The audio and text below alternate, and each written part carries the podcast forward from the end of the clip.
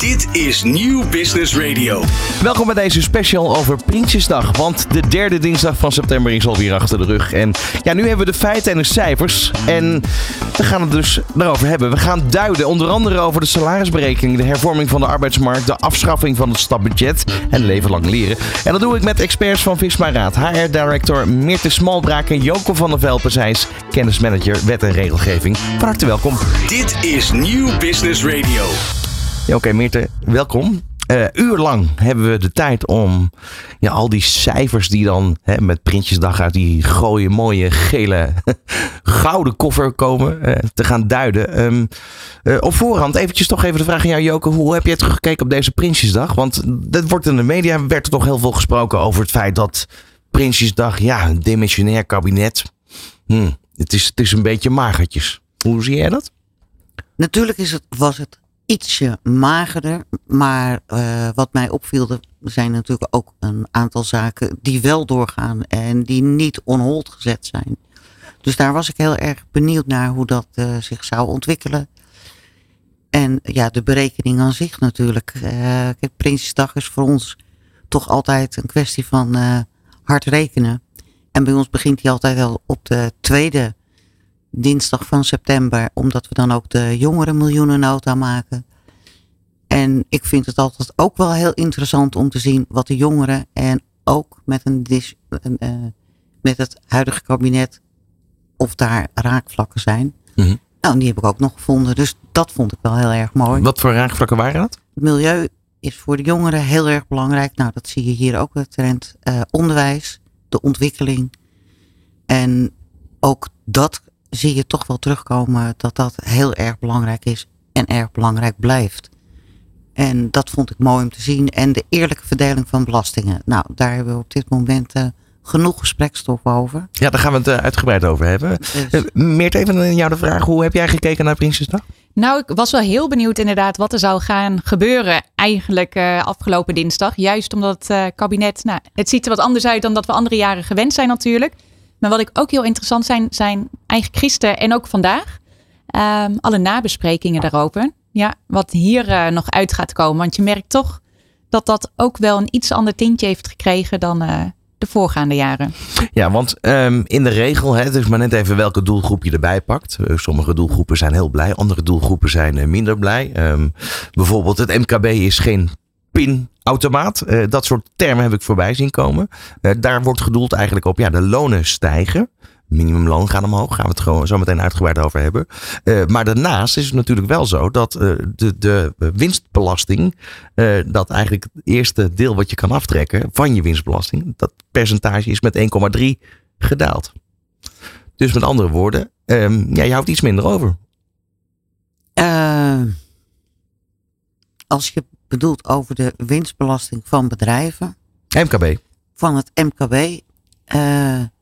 Wij zijn de allerbeste rekenmachine van Nederland met betrekking tot uh, de berekening van de salarissen van bruto naar netto met alle uh, omstandigheden die erbij zijn. Maar wij houden ons niet bezig met de winstbelasting. Nee, maar, maar goed, eh, dat is natuurlijk even de trend, hè, de, ondernemerskant. Um, dan toch even over die salarisberekeningen. Want het ging met name ook over de minimum, het minimumloon. Daar ja. is het een en ander in veranderd. Ja, en dat is natuurlijk wel een grote stap.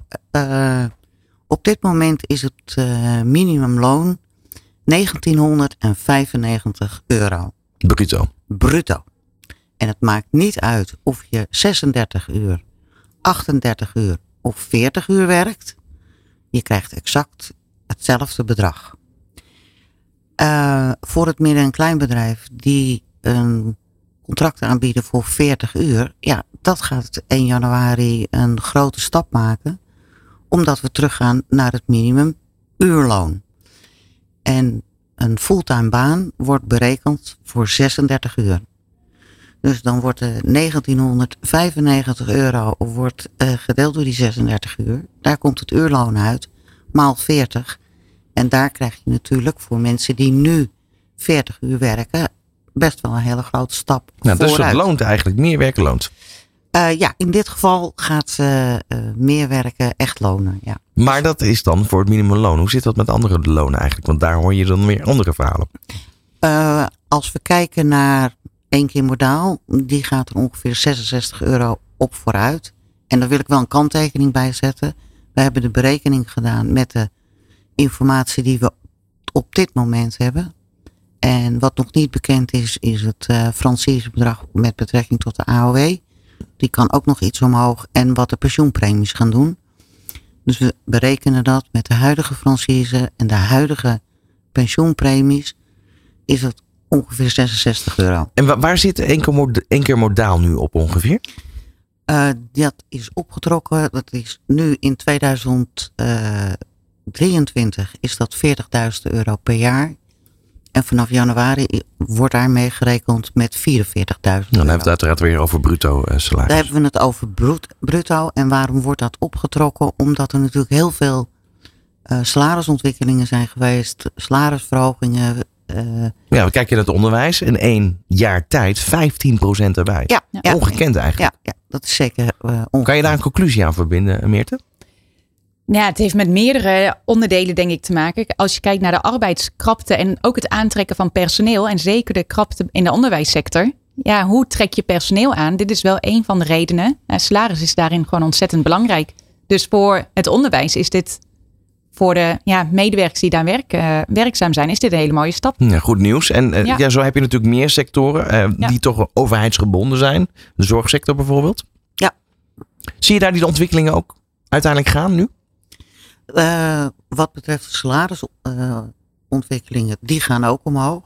Maar bij de zorg zien we ook wel een hele grote insteek uh, wat betreft de arbeidsvoorwaarden, anders inrichten van, van arbeid.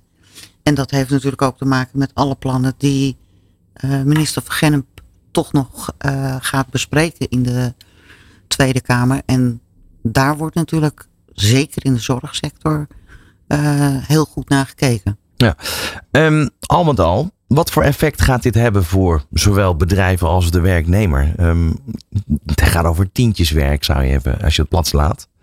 Uh, maar toch. Uh, dat wordt ook de uitdaging voor veel werkgevers. Want wat wij doen, wij berekenen het bruto naar netto. Wat wij niet bekijken, is de koopkracht. Nou, en dan is het best wel uh, makkelijk om te bekijken. Uh, uh, als de benzineaccijnzen. Vandaar mijn, onder, ja. mijn opmerking natuurlijk ja, de, ook. Ja. De accijnzen, het is nog even spannend. Gaat hij wel omhoog, gaat hij niet omhoog? Maar de boodschappen, al dat soort zaken, dat wordt duurder.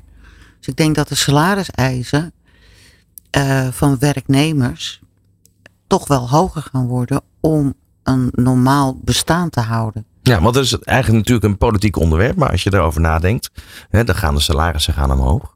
Maar uiteindelijk moet ergens de rekening weer vandaan komen. Dus als je het simpelweg bij een MKB-bedrijf, die, die gaan natuurlijk ook de prijzen weer verhogen. Dus uiteindelijk wordt de consument toch weer gewoon uh, de klos. Ja.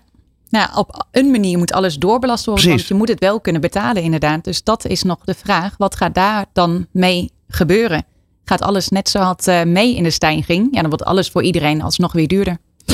Um, dan kom je eigenlijk ook wel op, op um, uh, ja, de hervorming van de arbeidsmarkt. Want dat speelt ook wel mee, denk ik, in, in al met al. Hè? Um, hoe kijken jullie daarna? Want daar, daar is jaren over gesproken. Het gaat ook over flexcontracten. Het gaat uiteindelijk ook wel over bijvoorbeeld een ZZP-schap. Dat is ook een, een heik onderwerp. Ja. Zo'n duizend ZZP'ers in Nederland. Nou ja, als die allemaal weer in loondienst gaan, dan betekent dat voor de schatkist natuurlijk ook weer een verandering. Uh, daar wordt wel een beetje, er wordt heel veel over gesproken. Uh, ja, het, het blijft een uh, heel lastig onderwerp. Uh, het ZZP-dossier is natuurlijk al zo ontzettend oud met alle uitdagingen die er zijn. In de coronaperiode werd het opeens heel zichtbaar. En zoals ik het altijd toch wel omschrijf, dat eh, de mensen die eigenlijk uh, niet echt een ZZP'er waren, die, ja, die vielen bijna om. En dat is gewoon niet de bedoeling. Als we kijken bijvoorbeeld in de zorg. Ongelijkheid met roosteren. Want ja, de ZZP'er die wil de eerste keuze hebben voor de roosters. Enzovoort, enzovoort. En dat is natuurlijk voor de medewerker die in loondienst is, is dat ook geen pretje. De kosten die dat met zich meebrengt uh, voor de zorg. Dus daar goed naar gekeken gaat worden. Ik denk dat dat een terecht iets is. En dat geeft ook veel meer de waardering voor de echte ZZP'er. Want Ja. een echte ZZP'er, die neemt wel eh, de verzekering. Want die weet gewoon het risico wat hij heeft, wat hij afgedekt heeft, wat hij spaart. Omdat hij een hele bewuste ZZP'er is. Eh, degene die even snel ZZP'er is geworden, eh, of dat nu gedwongen is of niet, maar die verzekert zich niet. En die uitdagingen, als er iets niet, niet goed gaat, iemand wordt ziek, langdurig ziek. We hebben het niet over een griepje van een week, maar dat er echt iets gebeurt. Ja, dan zijn die mensen direct zo ontzettend kwetsbaar. Eh, dus ik hoop dat daar goed naar gekeken wordt en dat de echte ZZP'er ook de waardering en het ondernemerschap eh, op die manier kan ontwikkelen. En ik denk dat iedereen daar beter van Nu is wordt. daar een, een wetsontwerp eh, bijna klaar, wordt binnenkort gepresenteerd. Ja. Ehm, daarbij zie je eigenlijk wel al, bijvoorbeeld in het onderwijs, dat daar al wel op geanticipeerd wordt. Eh, en dat is, gaat ook onder, eh, met CO-onderhandelingen. Je ziet bij onderwijs, bij de zorg, maar ook eh, bij de gemeentes, dat er heel sterk naar gekeken wordt bij een bestaande baan, dat daar ook een, gewoon een vast contract bij hoort en dat die niet ingevuld gaan worden door ZZP'ers. Houdt het dan in dat er niemand meer als ZZP'er kan werken bij de overheid Ja, want, want eigenlijk is daar eh, wel een heel duidelijk verschil, denk ik, hè, tussen de commerciële eh, bedrijven Ja. en de overheidsinstellingen. Maar het is ook op het moment dat het dus niet de core business is. Nou, die definitie, wat is een core business van een bedrijf? Eh, en dat dat niet meer ingevuld mag worden met ZZP'ers. Die definitie. En embedded in een organisatie. Ook dat worden allemaal nieuwe eh, termen die goed uitgezocht moeten worden. Goed omschreven moeten worden. En wat ik al net zei, het, het is ook goed voor degene die gewoon echt een eh, echte ZZP'er is en goed zijn bedrijf runt. En die heeft ook die problemen niet. Het zijn al die grensgevallen. En daar is de vakbonden ook ter bescherming van de mensen zelf, is daar ook druk mee bezig. Ja, dan heb je enerzijds dus die ZZP'ers, aan de andere kant heb je nog de, de flexcontracten. Dat is weer wat Ja. anders. Dat is weer heel iets anders. De, het plan is om de nul-uren contracten om te zetten in een basiscontract. Dat geeft nu voor werkgevers, is dat echt van belang, dat ze nu gaan kijken, hoeveel oproepkrachten heb ik, waar zet ik ze voor in, Eh, en om dan een goed basiscontract te gaan krijgen. Scholieren en studenten zijn uitgezonderd. Die mogen nog wel in een oproepcontract. Nou, dat is een heel mooi klein zinnetje en dat staat er. Maar dan moet je even de definitie gaan zetten. Wat is een scholier? Wat is een student? En de gemiddelde werkgever moet dat dan ook bij gaan houden. Als die een oproepkracht heeft dat een student is. En dat moet hij dan gaan controleren. Mhm. En ook weer in het HR-systeem bij gaan houden. Dat is één van de zaken. En de ketenregeling gaat veranderen. Drie contracten, eh, maximaal drie contracten in drie jaar. En dan een half jaar mag je daar niet werken. Eh, en dan ehm, begint de cyclus weer opnieuw. In die periode, de wachtperiode van eh, zes maanden, gaat naar vijf jaar. Dus dat is wel een hele grote stap. Vijf jaar. Dus, dus even nog een keer een resume. Ja, Op het moment dat je dus ergens als flexwerker gewerkt hebt, Ja. mag je daar vijf jaar niet werken. Jawel, maar dan krijg je direct een contract voor Ah, onbepaalde exact. Oké, tijd. precies. Ja. Dus die tijd wordt Ja, inderdaad. ja. eh, je krijgt meer zekerheid als werknemer. Ja. Want, want Meert, even naar jou, naar echt de specifieke HR-kant. Mhm. Wat verwacht jij? Wat doet dit met werknemers? Die, die, hè, want ik bedoel, de overheid zegt enerzijds de zekerheid. Nou, in, in heel veel sectoren was men soms wel eens bijna ge- ge- ge- verplicht om dat ZZP-schap op te zoeken, terwijl men dat niet eens wilde. Mhm. Eh, dus die is duidelijk. Maar dan heb je ook de bewuste ZZP'er die die vrijheid wil. Die zelf wil bepalen hoeveel vakantiedagen er zijn. Zelf wil bepalen hoeveel eh, eh, bijvoorbeeld eh, pensioenen opgebouwd wordt. Ja. Enzovoort, enzovoort, enzovoort. Nou, ik denk ook dat zijn, er zijn twee stromingen die je nooit meer gaat tegenhouden. De nieuwe generatie, dat zie je toch wel. Die, willen vrij. Ja, die willen toch? de vrijheid, die willen Ja. alles zelf kunnen bepalen. Ehm, dat geldt niet voor iedereen, maar even grofweg. En je hebt ook nog steeds natuurlijk de medewerker die wel graag die vastigheid zoekt. En die combi, die moet je gewoon heel goed gaan opzoeken als werkgever. Tuurlijk kun je met ZZP'ers blijven werken. Zorg daar ook goed voor. Ehm, en tegelijkertijd kijk goed naar je vaste base van medewerkers. En waarom zou je de een heel anders gaan behandelen dan de ander? Um, maar dat, daar zit echt nog wel heel veel uitzoekwerk in de komende tijd. En ook met de nieuwe basiscontracten. Dat moet echt nog wel iets uh, duidelijker worden. Hè? Wat is een scholier inderdaad? Nou, wat zijn alle definities? Mhm. Maar ik vind het wel goed dat er veel meer zekerheid komt voor die werknemer. Nou, wat ik, wat ik, lijkt mij een hele enorme uitdaging. Wat en hoe definieer je de core business binnen een bedrijf? Dat wordt ook een, uh, een uitdaging. Uh, ik probeer dat altijd uit te leggen in een ziekenhuis.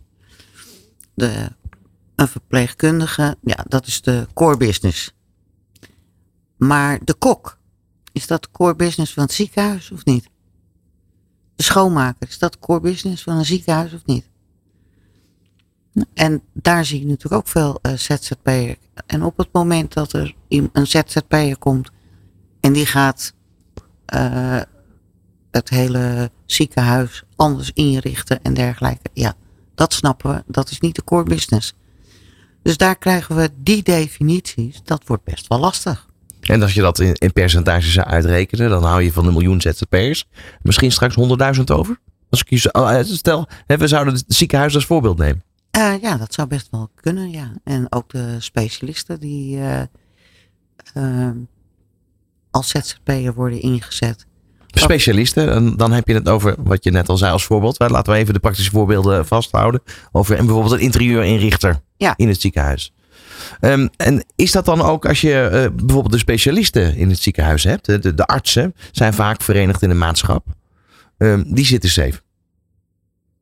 Ik durf dat niet voor 100% te zeggen. Er is nog te veel onduidelijkheid ja. hier eigenlijk over. Dat, ja. ja. het is een vraagstuk. Het ligt ja. op tafel, maar het, ja. Maar dat geeft wel de impact weer van wat die nieuwe wetgeving uiteindelijk uh, ja, kan teweeg gaan, gaan brengen. Ja. En het is van belang dat men, als we dan even kijken in de zorgsector, dat iedereen hetzelfde gaat doen.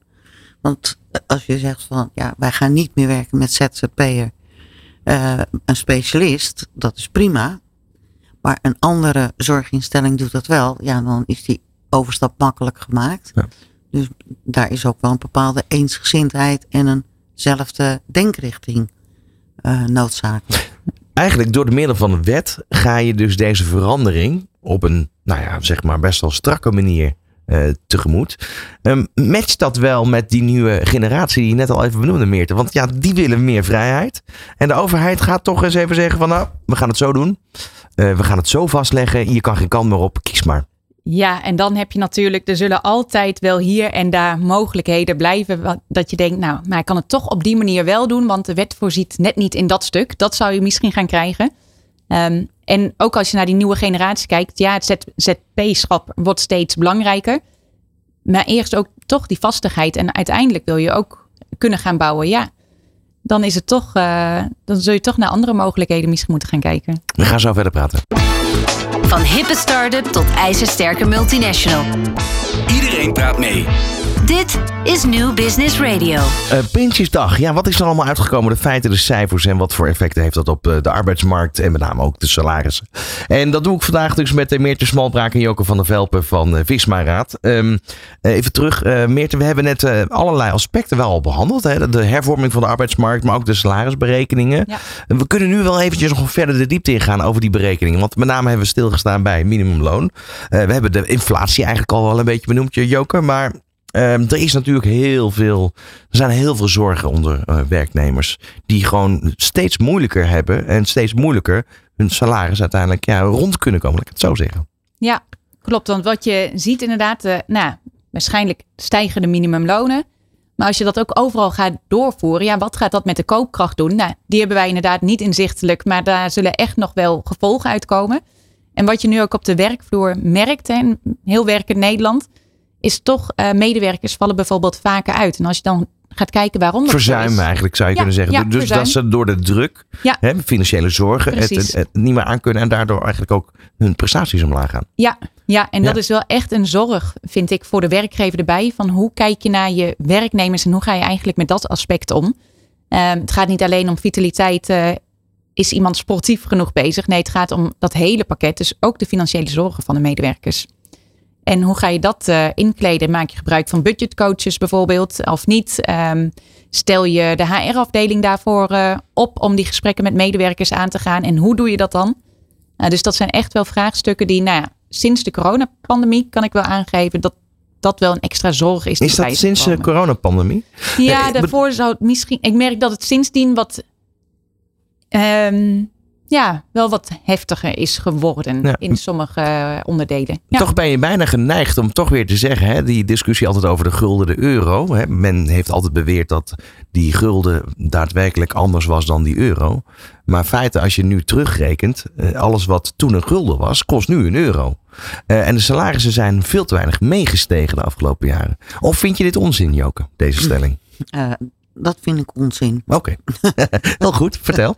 ja, want uh, als je dat één op één legt, de, ik denk dat dan de, de, de, gulden, dat het dan nog bizarder hoog was geweest. Dus ik denk dat je dat. Dat het toch meegestegen was. Tuurlijk ja. was dat meegestegen. En is, is dat echt puur um, aan te wijzen op het feit wat we hebben gehad, de coronacrisis, vervolgens de crisis in Rusland, uh, Oekraïne, waardoor natuurlijk heel veel producten echt gestegen zijn. Onrust in de wereld eigenlijk. Uh, is het puur daaraan te wijten of zijn er nog andere aspecten? Nou, ik denk de, de corona heeft het uh, zichtbaar gemaakt dat er een grote groep met medewerkers is die heel kwetsbaar is. Dat werd heel zichtbaar. Uh, dus daar worden nu stappen ondernomen. Dan ga je dus de volgende stap doen. En dan komt uh, de oorlog in Oekraïne. Dan blijkt je dat je in Nederland gewoon heel erg kwetsbaar bent. Uh, en dan gaan die prijzen gaan omhoog. En we hebben natuurlijk best wel een, heel lang een gemiddelde uh, salarisverhoging gehad. Iets van 2,5, 3 procent. Dat kabbelde een, een, beetje zo door. Ja, en dat gaat nu gewoon niet meer. Want die prijzen die gaan uh, sky high. een pak suiker is geloof ik 60 cent duurder geworden in twee jaar tijd. Nou is dat misschien niet een van de eerste levensbehoeften, maar je hebt dat met ook de gewone zaken die er komen. Uh, groente, fruit, aardappelen. Ja, de mensen moeten wel gewoon kunnen leven. En de schaamte is een stuk minder, omdat daar natuurlijk ook veel beter over gesproken wordt. Uh, medewerkers zijn bondiger geworden. Uh, die zeggen gewoon, ja, ik heb de afgelopen jaren heb ik bijna geen salarisverhoging gehad minimaal. Uh, ik wil nu dat er een grote klapper gemaakt gaat worden. Maar, maar dan heb ik toch de vraag aan jou, Meerte. Want eigenlijk is er een krapte op de arbeidsmarkt. Dus dan zou je kunnen zeggen dat op het moment dat een medewerker niet eens is met het salaris wat hij op dat moment krijgt, uh, dat hij toch een deurtje verder gaat kijken. Dat kan, maar wij gaan alle bedrijven het van betalen als het niet altijd Precies. bijvoorbeeld doorbelast wordt. Dus je blijft in die loop eigenlijk zitten. Ja, medewerkers uh, willen graag meer salaris, van het leven wordt duurder. Maar kun je dat als werkgever betalen? En dat is het spel waar je in zit. Tot hoe ver kun je gaan? Of is het alleen primair salaris? Of kijk je naar het hele arbeidsvoorwaardenpakket? Uh, want dat is natuurlijk ook wel heel erg divers per uh, werkgever. Dus salaris is heel belangrijk. Maar heb je de middelen niet om dat te kunnen matchen? Kijk dan ook naar de rest van je pakket. Nou, al met al, eigenlijk mag je zeggen. Dus hier en daar best wel erg versomberd. Hmm. Ja, dat vind ik nog nou. wel meevallen. Ja. ja, vind je het meevallen? Ja, ik vind het. Maar met name op, op lange termijn, hè, houden bedrijven dit vol? Dat is natuurlijk de vraag. En um, ja, er is toch enige lastenverzwaring. Um, bij de mensen met een iets beter salaris, daar wordt de, de schaal wordt naar beneden gehaald. Dus met andere woorden, uh, je gaat eerder ga je meer naar die 49 procent. Nee, je gaat nu later uh, naar die 49 Later, misschien moet je dat even duiden dan. De eerste schijf is een klein beetje verlengd. En nu uh, moet ik de cijfers even oproepen en die heb ik uh, niet helemaal zo in mijn hoofd zitten. Dan ben ik. Uh, ja. maar de eerste schijf is iets verlengd. Het percentage is wel 0,05 omhoog gegaan. maar de schijf is wat gaat opgerekt eigenlijk. Opgerekt. En ja. de arbeidskorting is bij de ja, dat gaat, uh, dat, dat stijgt. En bij de tweede knik, dus bij het gemiddelde modaal, inkomen is dat verhoogd met 115 eh, euro. En al die kleine zaken bij elkaar, die zorgt er ook voor dat een modaal inkomen met 66 euro per maand erop vooruit gaat. Maar natuurlijk is salaris heel erg belangrijk. En dat je zegt, kunnen die werkgevers dat allemaal nog wel betalen? Het zijn ondernemers, die zijn heel creatief. En medewerkers willen buiten dat ze een uh, goed salaris krijgen waarmee ze de rekeningen kunnen betalen, zijn andere arbeidsvoorwaarden ook heel erg belangrijk. Vrije tijd, uh, ook dat ze zelfstandig in hun baan kunnen zijn, vertrouwen van hun werkgever, thuiswerken, dat die mogelijkheden er zijn. Uh, mogelijkheden voor kinderopvang vlakbij uh, de, de werkgever, dat je niet het halve stad door moet om je kind ergens te kunnen onderbrengen dat zijn ook elementen die mee gaan spelen. En dat wordt wel eens vergeten. Het is niet alleen geld. Wat, het is belangrijk dat je niet s'nachts wakker wordt en dat je niet weet hoe je de volgende dag uh, alles moet gaan betalen. Maar qua werk zijn dat ook heel grote elementen die, die meespelen. Bijvoorbeeld ook de vergoeding van, van reiskosten. Kan, geef je de mensen de gelegenheid dat ze ook met openbaar vervoer volledig vergoed wordt. Dat zijn ook punten wat erin hakt. Nou, je zei net al even, kinderopvang is uh, voor veel ouders een behoorlijke stuk uit de taart. Ja. ja. Discussie is al jaren, ook in Europa, over moeten we kinderopvang gratis maken. Uh, maar tot op heden uh, ja, zitten we nog steeds met toch een, een behoorlijk bedrag wat betaald moet worden. Dat je ook kan vragen, loont het wel om hè, in een, uh, een, gezin extra te gaan werken? Een ja. van de twee partners of blijven we gewoon thuis? Nou, dat is inderdaad een interessante discussie die we toevallig al eerder ook vandaag hebben gehad. Um, heb je een modaal inkomen, dan ga je natuurlijk kijken, oké, wat voor type toeslagen krijg ik en hoe hoog zijn die? En wat betekent het als ik een dag minder ga werken of meer ga werken? Ja, dat ga je natuurlijk allemaal doorrekenen. Wat voor jou voordeliger daarin kan zijn. En nu kan het soms zijn dat het inderdaad toch loont om een dag minder te werken. Omdat je dan wat meer overhoudt. Nou, en dat is ook echt iets om naar te kijken, vind ik als overheid ook. Van ja, hoe kun je daar nou goed mee omgaan? Um, dat is een heel interessante vraag. Ja, en dat is natuurlijk een vraagstuk die eens blijft liggen ook. Weliswaar, omdat we gewoon niet verder komen met het kabinet. Ja. Uh, ja, en dat heeft ook te maken met bepaalde instellingen. Ik denk dat het. Uh, uh, en dan kijk ik toch wel om me heen bij een aantal vrouwen. Ik vind dat vrouwen ook gewoon op moeten gaan staan en zeggen. Je kan allemaal gaan rekenen, plussen, minnen en wat is het. Maar ik vind ook dat de dames goed hun eigen inkomen moeten verdienen ook als je een partner hebt, je bent gezamenlijk verantwoordelijk. Dus ik vind ook dat je gezamenlijk dat op moet pakken. heeft dat ook niet te maken met eigenlijk het verleden waarin het toch wel traditioneel gezien, de man die zorgt eigenlijk voor het hoofdinkomen en de vrouw die, die past zich daaraan. Um, dat, dat je eigenlijk als overheid en misschien wel vanuit de Europese uh, uh, overheid moet kijken naar dat die discussie weggehaald wordt. Dat die discussie niet eens meer gevoerd hoeft te worden. Na voorbeeld van zoals het gaat in Scandinavische landen. Uh, ja, en een van de zaken die gaan natuurlijk ook in Europa. En dan zeg ik er altijd bij, het is nu 2023. En, en dat wetsvoorstel wordt ook behandeld, de gelijke beloning van man en vrouw. En ik zeg nogmaals, het is 2023 dat we het daarover hebben. Dan heb ik het er niet over dat een vrouw uh, iets het, minder tijd uh, werkt, hè, dus dat ze parttime werkt. We hebben het hier over het uurloon. En dan komen altijd de argumenten van de mannen. Ja, maar ik heb iets meer werkervaring. Maar als het andersom is, dan blijkt dat geen waarde te hebben. Ik vind ook niet meer dat we moeten praten over gelijke beloningen man en vrouw. Maar dat het gelijke beloningen moeten zijn. Punt. En dat het echt geen wonder is. Het staat op de agenda in Europa, dat weet ik ja, toevallig uh, die staat heel hoog op de agenda en Nederland moet daar ook in mee. En bedrijven moeten dat ook goed rapporteren.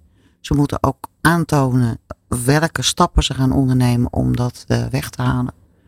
Maar dat we dat moeten gaan doen en nog moeten gaan regelen. Nou, de wet in Europa is er inmiddels wel doorheen. Ja, die is er doorheen. Die is er doorheen, dus het is nu nog wachten op wanneer gaan we dat uitvoeren. Ja, maar Dus op zich is dat een een goed teken, toch? Klopt. En ik, ja, als werkgever, ja, daar hoef je niet op te gaan wachten. Kijk vooral in je eigen organisatie, hoe staat het ervoor? Ehm, maar waar sta je ook als werkgever voor? Ja, dan hoef je niet per se een wetgeving voor af te wachten om dit In, eh, in hoeverre merken jullie dat eigenlijk, hè, die ontwikkeling die bijvoorbeeld in het Europees Parlement wordt hierop gestemd, zo'n wetgeving wordt er doorheen gehaald of niet, eh, dat dat bij de werkgevers in Nederland op het vizier staat? Nee. Ze zijn zich daar niet geheel van bewust. Bijvoorbeeld ook dat het verlof eh, Europees veel eh, ja, ruimer niet, maar meer op de eh, situaties van medewerkers eh, gericht is. En wij in Nederland hobbelen daar dan eh, toch een beetje achteraan en denken, oh jee, wij moeten de wet aanpassen. En dat is eigenlijk ook niet de manier zoals je ernaar moet gaan kijken. Het, is, het, het, moet veel actueler zijn. Wat in Europa eh, op de agenda staat wat betreft arbeidsrecht en, en dat soort zaken. Eh, dat is wel een hele mooie taak om dat veel helderder bij werkgevers neer te zetten, zodat ze daar alvast over na kunnen denken. Maar de gelijke beloningen voor iedereen, eh, ja, dat, eh, Het verbaast je en dat, dat ja, begrijpelijk. het, ja, het toch? Ja. mag niet in 2023. En, en spreken jullie hier ook met bedrijven over? Hè? Dat, bedoel, ja, ik kan me voorstellen dat je daar toch advies over uit gaat brengen. Hoe wordt er over het algemeen op gereageerd? Is dat, is dat mild? Is dat toch wel actief, proactief? Ja, dat wisselt een beetje. Het wordt steeds meer een onderwerp, dus er wordt steeds meer over gesproken. Maar dan. Ja. Ehm, dus ja, het komt steeds meer op de agenda te staan. Eh, maar ik durf wel te zeggen, het ene bedrijf dat daar al veel meer in doet dan andere bedrijven. Logisch ook, want het is best een groot eh, thema. En sommige bedrijven willen misschien toch de wetgeving afwachten. Eh, maar het staat hoger op de agenda. Nou, hetzelfde, ik hoorde net al de verlofsoorten. Nou, dat komt natuurlijk ook nog een keer aan bod bij het kabinet. Het staat ook op de planning. En ik denk dat dat ook heel goed is om naar het ouderschapsverlof te kijken. Er is al iets meer gelijk getrokken natuurlijk hier en daar. Maar wil je daar echt gelijkheid in? Ja, dan hebben we nog wel een stapje te maken. Volgens mij moeten we het zo, zo meteen ook hebben over het, eh, de afschaffing van een stapbudget. Hebben we overigens al een Ja. keer eerder over gesproken. Ja. Maar ook over de ontwikkeling. En wat wil eigenlijk de medewerker anno 2023 nog? Hoe hou je ze eh, tevreden en vooral gemotiveerd? Want dat is volgens mij heel belangrijk. Zonder dat ze er straks af liggen vanwege alle zorgen die er zijn. Van hippe start-up tot ijzersterke multinational. Iedereen praat mee. Dit is New Business Radio. Eh Meerte, eh, we hadden het net al eventjes over, eh, ja, uiteindelijk wat doen die salarissen nu met de medewerkers? Je zei al van, ja, er zijn veel medewerkers die toch wel enorme eh, geldzorgen inmiddels hebben. En vaak dus, eh, eh, ja, verzuimen, eh, afwezig zijn. Ehm, dan hebben we nog een ander ding. We hadden het net al eventjes over, ja, de, de, de werknemer anno drie- de, eh, 2023. Je hebt natuurlijk meerdere generaties. Ja. Wordt anders naar gekeken. De, de vrijheid van eigenlijk de jonge generatie, ja, dat gaat misschien wel knellen straks. Of niet? Ja, als je nu naar eh, de gemiddelde werkvloer kijkt, zie je eigenlijk dat er zeker wel vier generaties werkzaam zijn. En de nieuwe generatie en de nou, toch oudere generatie, dat kan echt wel een wereld van verschil zijn. Ehm, maar het is niet de bedoeling dat we nu ons alleen maar op de nieuwe generatie gaan richten. Het moet wel, eh, eigenlijk moet je maatwerk gaan toepassen. Wat is nou het belang en wat wil iedere generatie nou? En daar moet je eigenlijk je hele pakket op gaan toepassen. Dus heb iets voor iedere generatie. Ehm, maar dat is nog wel een lastig spel. En wat je ziet, alleen al de wijze van benadering naar nieuwe generaties totaal anders. Ze willen gewoon even snel een chatje. Ze willen helemaal niet bellen en dat soort type contact. Eh, ze hebben bijna een soort van belangst, kun je het wel noemen. Ehm, dus er zijn heel veel zaken in je werkveld om nu rekening mee te gaan houden. Hoe benader je ieder individu? Maar goed, dat kan je dus ook trainen. Dat je toch een soort van gelijkheid krijgt. Het is toch raar dat je niet meer de telefoon pakt. Terwijl dat wellicht veel sneller is dan even op en neer chatten. eh, heel veel mist tussendoor in de communicatie hebt. Omdat je elkaar net niet helemaal begrijpt. Of Ja. is dat dan iets wat ik dan vanuit mijn generatie misschien Nou, zo zie? Misschien een klein Ja. beetje. Jij behoort ook al tot de Ja. ouderen. Ik zit er middenin. Ja, dat, ik denk dat dat eh, toch ook wel iets met de generaties Ja. te maken heeft. Ehm, en ja, je kunt het trainen. Maar waarom zou je iets gaan trainen dat een generatie nooit gaat willen? Misschien moet je juist wel alles daaromheen gaan aanpassen, zodat het voor iedereen comfortabel wordt. Ja, dus dat is nog iets om eh, rekening mee te gaan houden. Is een makkelijk linkje. Brengt ons bij de afschaffing van het eh, stapbudget. Ja. Eh, en een leven lang leren. Want dat is eigenlijk iets wat natuurlijk de afgelopen jaren eh, ja, wel geprobeerd is erin te krijgen. Leven lang leren, leren lang ontwikkelen. eh, niet stilstaan. Erg belangrijk, nog steeds. Maar dat, dat stapbudget dat ging niet helemaal goed. Hè? Misschien moeten we even een resume doen. Waarom is dat afgeschaft? Ehm, het was in principe een hele dure regeling. En er was niet echt een strakke controle met betrekking tot wat er werd aangeboden. En nou, we hebben natuurlijk, er zijn ook heel veel mensen die hebben het eh, eh, heel goed gebruikt. Want er gaat altijd een negatieve kant in de ronde van, nou, we weten nu hoe we moeten gaan barbecuen. Ja, want dat was het. Hè? Dat, Eh, dat, dat- hebben we toen besproken inderdaad. hebben- ja, Het werd voor van alles en nog wat gebruikt. En Ja. eigenlijk ook gewoon voor ontwikkeling ja, die niet per se werkgerelateerd was. Eh, dat klopt. Ja. Eh, en daar hebben we ook af, voor afgesproken van, ja, waar gaat dit naartoe? En wat men nu heeft voorgesteld, is dat de helft van wat in het stapbudget werd uitgegeven, dat wordt overgeheveld naar het slim budget. Het slim budget. Dus, Ja, het- dus met En- andere en woorden. Ik verzin, ik verzin ze niet te plek, hè. Eh, maar het slimme eh, subsidie is voor het midden- en kleinbedrijf om de medewerkers eh, te subsidiëren voor scholing. Dus dat is een eh, mooie eh, subsidie voor het midden- en kleinbedrijf. Ik denk dat het niet bij iedereen echt bekend is. Nou, dat wordt nu opengesteld ook voor de individuele burgers om daar hun subsidie vandaan te halen. En is het niet zo dat daar bepaald x eh, bedrag in zit en dat die pot op een bepaald moment leeg is? Ja, die pot die gaat natuurlijk ook een keer En dan leeg. moet je in de staatscourant kijken wanneer die pot weer gevuld is. Eh, hoe, eh, hoe ze het exact gaan doen, dat kan ik jullie op dit moment nog niet vertellen. Nee. Ook niet de regels die gesteld gaan worden aan wanneer je recht hebt op die subsidie. Waar ze wel heel erg op insteken is op de technische beroepen. Zorg natuurlijk. Dus echt waar een tekort is in de arbeidsmarkt dat mensen zich willen omscholen. En wat er ook toch wel meer eh, gaat gebeuren, dat werkgevers eh, ook hun verantwoordelijkheid nemen om hun medewerkers te trainen. Als we nu gewoon kijken, bijvoorbeeld bij de overheid, nu gaan we, als we onze paspoort gaan verlengen, gaan we nog keurig netjes naar eh, het gemeentehuis om dat te doen. De eerste ontwikkelingen zijn natuurlijk al dat je dat online kan doen. Dan moet je nu nog wel naar een speciaal fotohokje om daar je foto te laten maken. Dus eh, het gemak, of ik ga naar het gemeentehuis met een pasfoto of ik ga naar een speciaal hokje, die logica snap ik nog niet helemaal. Maar dat is een stuk wat ontwikkeld. Maar je verwacht ook van de mensen die eerst achter de balie zaten, die krijgen straks het allemaal digitaal. Het moet getoetst worden. Het is een hele andere werkwijze. Nou, we hebben AI natuurlijk, wat een opmars maakt. Dat kan op een negatieve manier, maar ook op een positieve manier. Maar die komt wel op die werkvloer. Je moet als organisatie weten, wat wil ik ermee? Wat ga ik ermee doen? En zijn mijn medewerkers, komen die competenties tekort? En bied het ook aan. En niet als een straf, maar als een ontwikkeling. Hier gaan we naartoe met onze eh, bedrijfsvoering, met onze organisatie. Eh, wat wil jij daaraan doen en hoe wil je jezelf ontwikkelen? En dat geldt voor de jongen, maar zeker ook aan oudere mensen. En weet je, je bent niet afgeschreven. Hè? Ze kunnen ook nog allemaal een mobiele telefoon. eh, ze kunnen ook online hun vakantie boeken. Dus ontwikkelen moet mogelijk zijn. Ja, moet mogelijk zijn. Meerte, dan, dan kom je eigenlijk op het punt van... Voorheen was een papiertje, wat dan ook was, hen, eh, een vereiste. Ehm, hoe zit dat nu eigenlijk?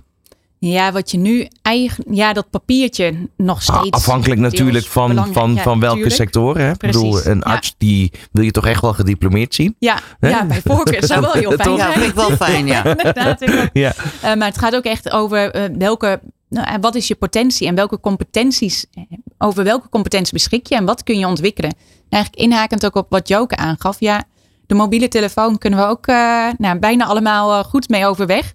En het gaat er als medewerker ook over om je eigen arbeidswaarde hoog te houden. Niet omdat je nou in een bedrijf werkt en daar misschien voor altijd blijft werken, maar ook wat als je dat niet blijft doen, kun je zomaar eerst anders goed gaan instromen. Dus het is heel fijn eigenlijk dat deze regeling er is.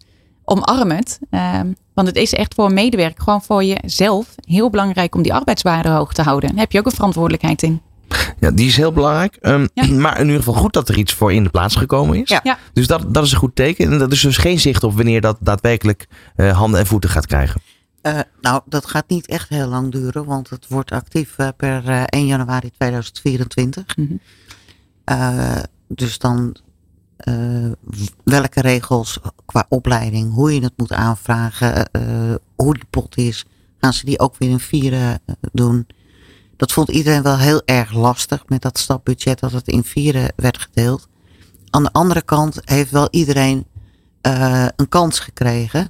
Dus als jij halverwege het jaar dat opeens bedacht dat je dat zou willen, dat je dan niet wordt geconfronteerd. Oh, het is alweer voorbij, ik moet een jaar wachten. Eh, daar ben ik heel benieuwd naar hoe dat eh, allemaal eh, gaat. En het grote voordeel is met of het nu een stapbudget of een slim budget is. je bent niet afhankelijk van je werkgever. Nee. Je Dus kan- eh, je zei het al, een grote verandering is het wel nog steeds voor de individu. Ja. Alleen er wordt strenger getoetst waar het budget naartoe gaat, neem Ja. ik aan. Ja, dat het, we hebben een ontzettend tekort aan technici. Om je daarmee te ontwikkelen. Eh, de IT-markt, dat is ook nog een hoog tekort. Mensen in de zorg. Ehm, ik denk dat de budgetten heel erg ingezet gaan worden voor die banen waar we op dit moment gewoon een schreeuwend tekort aan hebben. En belangrijk is om te ontwikkelen. En er zijn misschien ook heel veel mensen die echt wel iets anders willen doen. Maar door het financiële verhaal. Want een opleiding is gewoon duur. Ehm, en nog even wat anders, wat ook weer met generaties te maken heeft. We worden natuurlijk steeds ouder. Ehm, we gaan later met pensioen. Eh, maar er is natuurlijk jarenlang altijd de tendens geweest van, nou, op het moment dat je de 55 plus genaderd bent, dan weten we niet zo goed weer wat we met die medewerker moeten doen. Terwijl die juist een hele relevante, waardevolle Ja. ervaring heeft, die je juist aan de jonge generatie weer kan meegeven. Ja. Zie je dit nu, dit, dit beeld, dat herken je wel, toch? Ik herken, ja, Zie je dat nou ja, beeld kantelen? zie ik het echt totaal anders. Ik denk, Ja, zeker, maar- die groep juist. En, eh, Nee, maar zie je dat beeld kantelen? Want dat Ja. beeld was er natuurlijk wel. Ja, dat was het denk ik eh, voorheen van nou, als we nog iemand dan aannemen, poh, dan gaat hij bij ons met pensioen. Dat kost veel geld. Dus denk je ja, maar alle kennis die je in huis haalt en dat je nieuwe, jongere generatie kunt opleiden. Ik zie dat alleen maar als een prachtige win-win.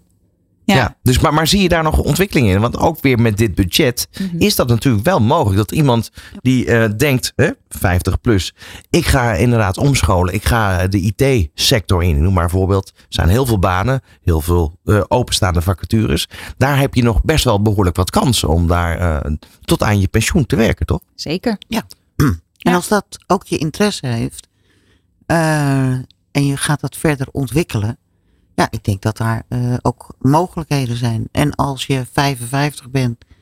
Dan eh, begint het pas. Dus dan ben je nog helemaal, dan ben je nog, helemaal niet afgeschreven. Dus, dat is ook een eh, goede ontwikkeling eigenlijk. ja, zeker. Nou, Ja.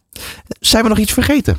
Dit uur. Want ja, bedoel, we, we hebben heel wat besproken. Maar ehm, ja, het jaar moet nog gaan beginnen. Het moet toch allemaal, zeg maar, de uitwerking gaan krijgen. Maar al met al, hoe kijken jullie nu terug op ja, deze uitzending? En qua Prinsjesdag, alle ja, gegevens die we hebben gekregen afgelopen dinsdag? Het was een rustige Prinsjesdag. En eh, althans, qua miljoenennota. Hij was rustig, maar er zaten toch nog genoeg dingen in. eh, om ook over na te denken, ook voor werkgevers, om dat eh, op die manier op te pakken. Ik wil niet zeggen het is stilte voor de storm. Maar ja, ik denk dat de komende jaren er nog eh, veel veranderingen gaan komen. Ja, krijgen we jaren met bezuiniging? Wordt er over gesproken ook wel. Het moet allemaal wel betaald worden. En waar gaat die bezuiniging komen? Dat, eh, welke keuzes worden er gemaakt? En ik denk dat we dat pas weten na 22 november hoe Nederland heeft gekozen. Ja, we zijn natuurlijk benieuwd naar de, de politieke programma's, hoe die eruit gaan zien. Zeker weten. Zeker. Ik wil jullie voor nu bedanken eh, ja, voor de komst naar de studio weer. En de toelichting op eh, Prinsjesdag was eh, weer een erg interessante. Eh, ja, vanuit uh, Fix My Raad was hier meer te Smalbraak en Joker van der Velpen. En voor nu bedankt voor het luisteren. Van hippe start-up tot ijzersterke multinational. Iedereen praat mee. Dit is New Business Radio.